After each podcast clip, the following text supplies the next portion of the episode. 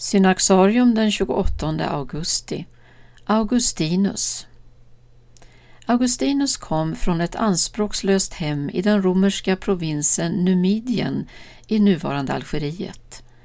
Efter många års sökande i samtidens filosofiska och andliga rörelser hamnar han i Milano, utnämnd till professor i retorik.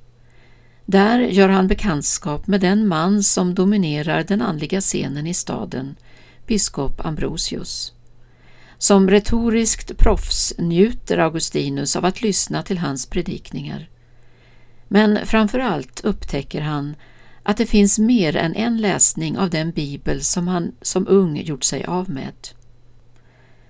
När han nu hör om andra som följt Kristus upptänds hans iver att gå samma väg men synden är fortfarande, med hans egna ord, en ljuv tyngd i hans liv. Genombrottet kommer när han en dag går hemma i sin trädgård. En vän har just berättat historien om ökenfadern Antonius och hur öknen förvandlats till en fruktbärande trädgård. Augustinus grips av berättelsen samtidigt som han nästan resignerat för egen del.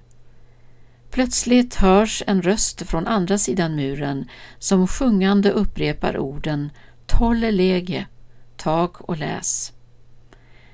Augustinus slår upp den bibel som ligger på ett spelbord i trädgården och läser det första stycket som ögonen faller på. Det är ur Romarbrevet. Inte med festande och drickande, inte med otukt och orgier, inte med strider och avund, Nej, ikläd er Herren Jesus Kristus och ha inte så mycket omsorg om det jordiska att begären väcks. I ett nu är det som att täckelset faller och visshetens ljus tänds i hans hjärta. Augustinus var 32 år vid sin omvändelse. Påsknatten år 387 går han tillsammans med en skara nyomvända in i Ambrosius nybyggda dopkapell. Tre gånger sänker biskopen ned honom i vattnet, i Faderns och Sonens och den helige Andes namn. Dopakten med alla dess dramatiska moment symboliserar innebörden av den omstörtande förvandling som inträffat i Augustinus liv. Efter några år återvänder han till Nordafrika där det inte dröjer länge förrän han kallas till biskopstjänst.